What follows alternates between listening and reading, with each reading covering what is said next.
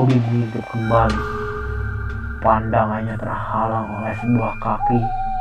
Ternyata ada seseorang yang berdiri di hadapan Bobby.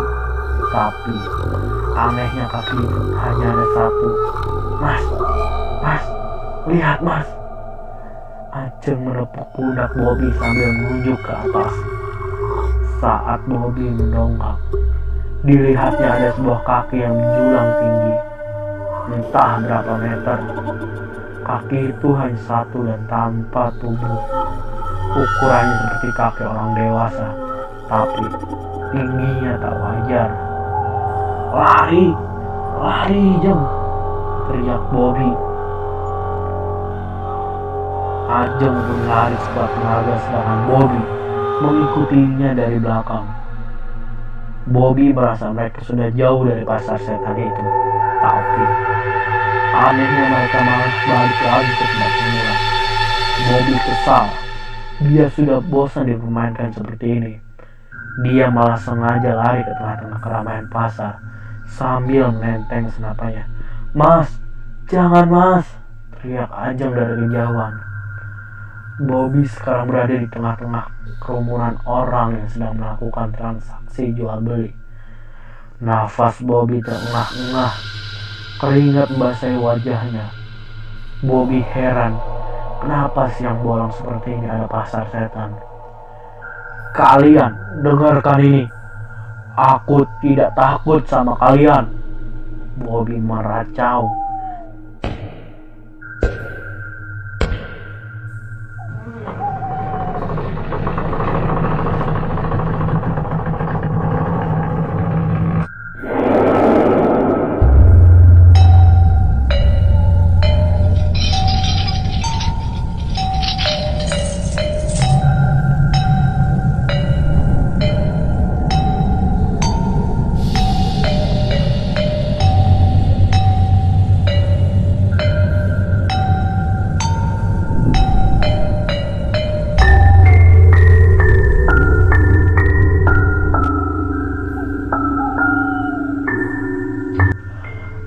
Assalamualaikum warahmatullahi wabarakatuh.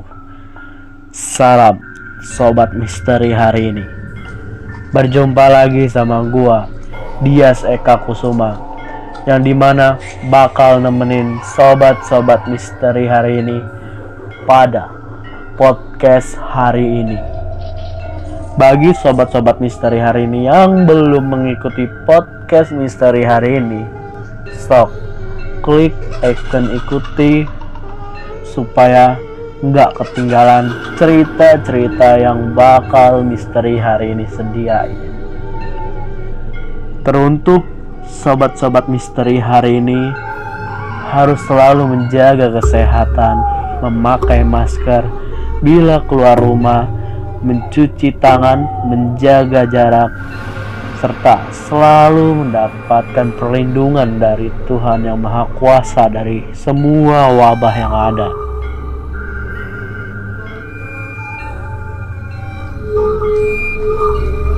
Pada episode kali ini, gua bakal bercerita mengenai Kuala Gunung Pulau Sari 2 yang di mana pada cerita ini menceritakan mengenai Om Bobby yang sedang mencari keponakannya yaitu Mira. Lalu bagaimanakah ceritanya? Serta naskah Kualat Gunung Kulat Sari 2 ini juga ditulis oleh Mbah Ngesot yang dicantumkan di teksnya di kumparan.com. Bagi sobat-sobat misteri hari ini yang penasaran dengan cerita originalnya, sok link bakal gua taruh di deskripsi. Pasti sobat-sobat misteri hari ini udah penasaran dengan alur ceritanya. Mari dengarkan di podcast hari ini misteri hari ini. Selamat mendengarkan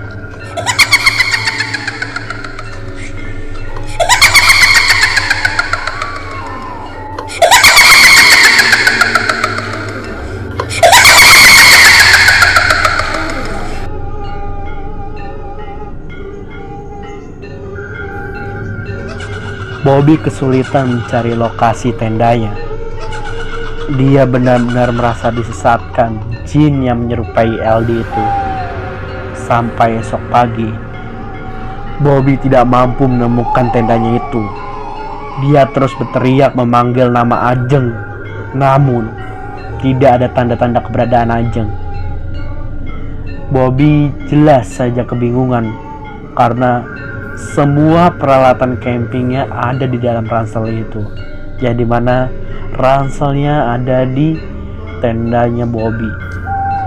Yang ia punya sekarang hanya senapan angin yang sudah kehabisan peluru. Bobby berteriak memanggil Ajeng. Ajeng! Jeng! Ajeng! Teriaknya. Memanggil nama Ajeng. Ia berteriak sambil mendongak ke langit agar suaranya menggema. Keringat mulai membasahi wajahnya. Kondisi Bobby semakin melemah. Dari kemarin dia belum makan apa pun. Bobby terus berjalan tanpa arah. Dia tidak tahu mau ke mana ia akan pergi. Baginya, pendagian ini malah semakin rumit. Belum lagi nasib istrinya di rumah. Bobby tidak tahu apa yang terjadi dengan istrinya yang sedang hamil. Ampun Nyai. Tiba-tiba Bobby mendengar lirih suara perempuan. Ia langsung waspada. Senapan angin yang ujungnya sudah diberi pisau ia arahkan ke depan. Bobby siap menusuk siapa pun yang mengganggunya lagi. Ampun, Nyai. Bobby meruncingkan daun telinganya dengan telapak tangan kanan untuk mencari sumber suara itu. Ia pun melangkah pelan ke arah sumber suara. Semakin Bobby melangkah ke arah barat, Suara itu semakin terdengar dengan jelas. Ia menyimbakkan semak berlukar yang menghadangi pandangannya. Dari balik semak itu, Bobby melihat seorang nenek tua sedang sujud di atas tanah. Penampilan nenek itu kacau sekali. Rambutnya yang penuh uban sangat acak-acakan ia mengenakan kain jarik dan berbaju kebaya yang sudah usang. Warnanya juga pudar. Nenek itu menyadari kalau ada seseorang yang datang. Ia bangun dari sujudnya, lalu menoleh ke arah Bobby. Seketika saja, Bobby mengarahkan moncong senapan itu ke wajah nenek itu. Jangan mendekat, ancam Bobby. Namun, tatapan nenek itu kosong, seolah tak memedulikan Bobby. Dia justru terus meminta ampun kepada seseorang yang disebutnya sebagai Nyai. Bobby mundur beberapa langkah sebab nenek itu terus mendekat ke arahnya. Semua orang di gunung ini kualat, kata nenek itu.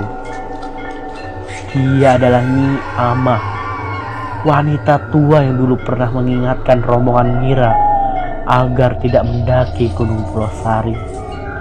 Nyi Amah memang terkenal sebagai orang gila yang berkeliaran di kaki Gunung Pulau Sari.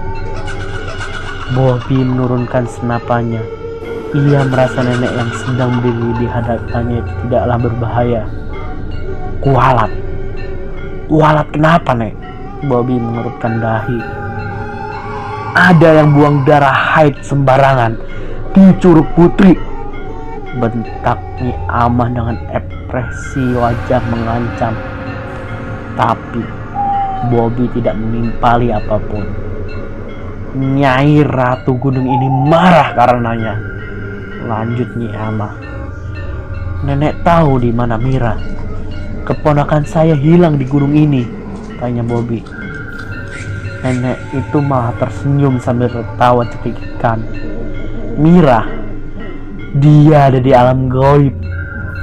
Kalau begitu, saya mau masuk ke alam goib, Nek. Bagaimana caranya? Tanya Bobby. Seketika raut wajah Nyi Amah menjadi muram. Dia menggelengkan kepala sambil balik badan. Ia lalu pergi dari hadapan Bobby. Bobby mengejar Nyi Amah, tapi wanita tua itu tidak peduli. Dia terus jalan sambil tertawa sendiri. Sesekali Nyi Amah memohon ampun kepada Nyai penguasa Gunung Pulau Sari. Setelah cukup jauh mengikuti nenek itu, akhirnya Bobby menyerah. Dia pun membiarkan Nyi Amah pergi begitu saja. Bobby mendongak ke atas pohon. Di dahan-dahan itu ada koloni monyet yang sedang bergelantungan. Bobby lalu menghembuskan nafas berat dan menunduk. Perutnya semakin lapar, tenggorokannya juga kering. Namun, saat itu juga terlintas di benaknya sebuah cara agar dia bisa masuk ke alam goib. Ya, sebuah cara yang sebenarnya cukup gila. Aku harus kualat. Ya, aku harus kualat. Gumam Bobby. Dengan begitu, penghuni gunung ini akan membawaku ke alam goib. Maka dari itu aku harus kualat demi mencari Mirang dan bertemu dengannya. Yang menjadi pertanyaan di benak Bobby adalah bagaimana cara dia bisa kualat. Ia ingin membuat makhluk halus penghuni gunung ini marah. Curug Putri, ya, Curug Putri Kumam Bobi teringat sebuah tempat yang sempat disebutkan oleh Nyai Amah. Dia harus mencari lokasi curug itu. Tapi, bagaimana dia bisa menemukan lokasi curug putri? Pertanyaan bermunculan di benak Bobby. Dia pun mendongak ke langit. Di atas sana, Bobby melihat kawanan burung cekakak melintas ke arah barat. Setahu Bobby, kalau burung terbang berkoloni seperti itu, pasti mereka sedang menuju sumber air. Dengan sisa tenaga yang ada, Bobby pun mengikuti arah burung itu. Ternyata cara Bobby berhasil. Tepat sebelum matahari terbenam, Bobby tiba di Curug Putri. Dia pun mandi dan minum di curug itu tanpa ragu-ragu lagi.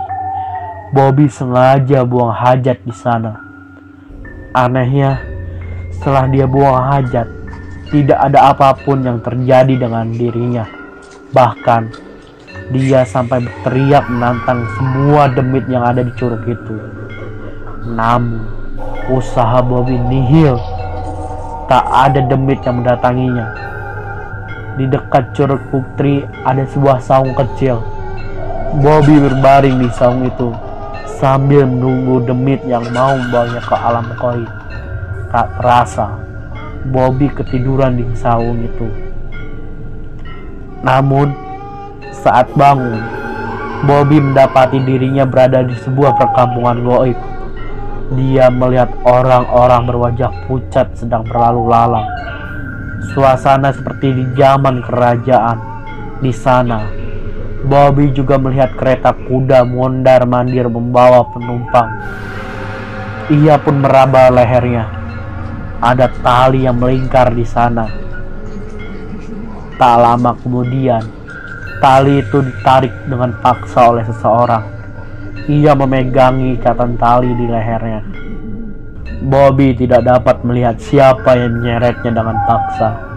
Ia juga tidak tahu mau dibawa ke mana ia diseret melewati kerumunan orang dan saat itulah mata Bobby melihat Mira sedang berdiri di pinggir jalan bersama sosok genderuwo. Lain hal yang terjadi dengan Ajeng. Pagi-pagi sekali dia sudah bangun. Sedangkan sosok yang menyerupai Bobby masih tertidur pulas. Tidurnya aneh. Lantaran tidurnya banyak sekali sampai-sampai Pakaian Ajeng basah. Ajeng pun menguncangkan punggung lelaki itu. Mas, mas, bangun. Mas, bangun udah siang, kata Ajeng. Lelaki itu bangun, kedua matanya merah sekali. Kamu kenapa mas? Kamu sakit mata? Tanya Ajeng. Enggak kok. Sosok itu malah tersenyum. Ayo, kita harus cari keponakanmu lagi mas. Dan kita harus keluar dari gunung ini. Sosok lelaki itu bangkit, layaknya Bobby. Dia pun dengan apik membereskan kembali tenda dom, lalu memasukkannya ke dalam ranselnya. Mereka pun kembali melanjutkan perjalanan, tapi bukan untuk mencari Mira. Demit yang menyerupai Bobby itu punya maksud tersendiri.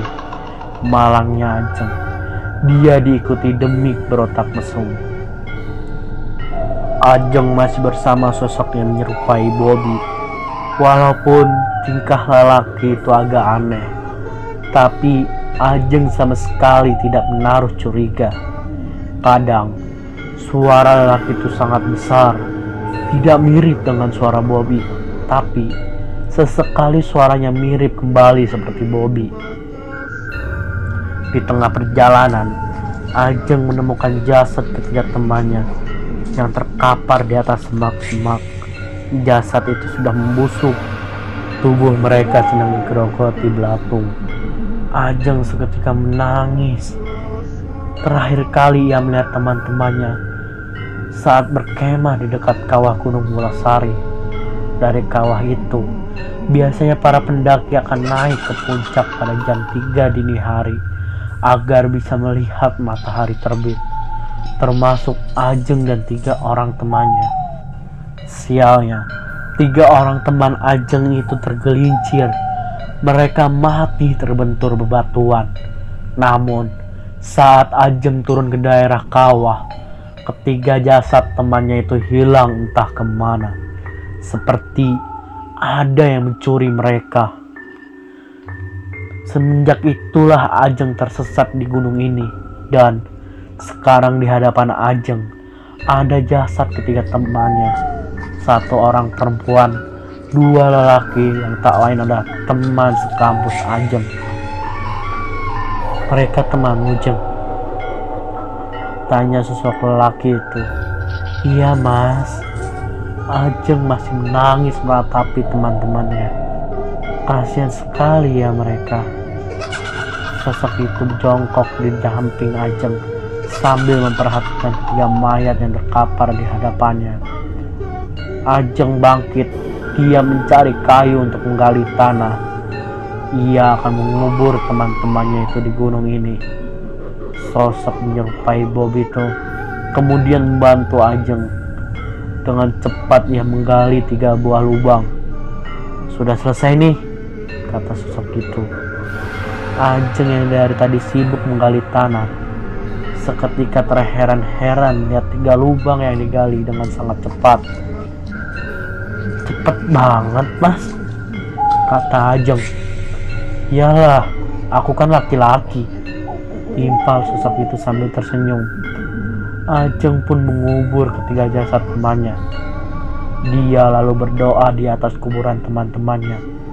Sementara sosok lelaki itu hanya berdiri sambil senyum-senyum sendiri. Malam ini kita berkemah di sini saja, ujar lelaki itu. Terserah kamu, Mas. Timpal Ajeng.